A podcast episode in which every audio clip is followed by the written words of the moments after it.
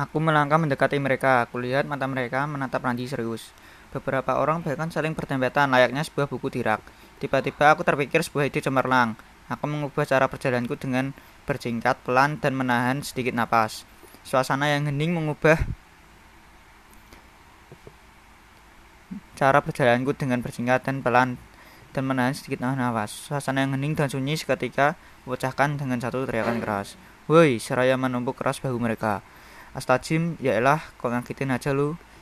Iya nih, emang rasa ini anak. Kalau mereka kesal dengan mengiyakan dahi. Hahaha, cemen lu. Gitu aja kaget, kenapa? Ada apa sih serius amat? Tanyaku penasaran, seraya menyelipkan diri di tengah-tengah mereka. Kenapa? Ini mereka lihat sosok besar di belakang sekolah. Nah, terus kalimat Tom terpotong seiring dengan terlihatnya Pak Guru balik jendela. Sedang berjalan ke arah mulut pintu. Buset, gue belum ngerjain tugas tadi, ucap mereka. Aiko, begitulah cara mereka menyapaku. Aku ada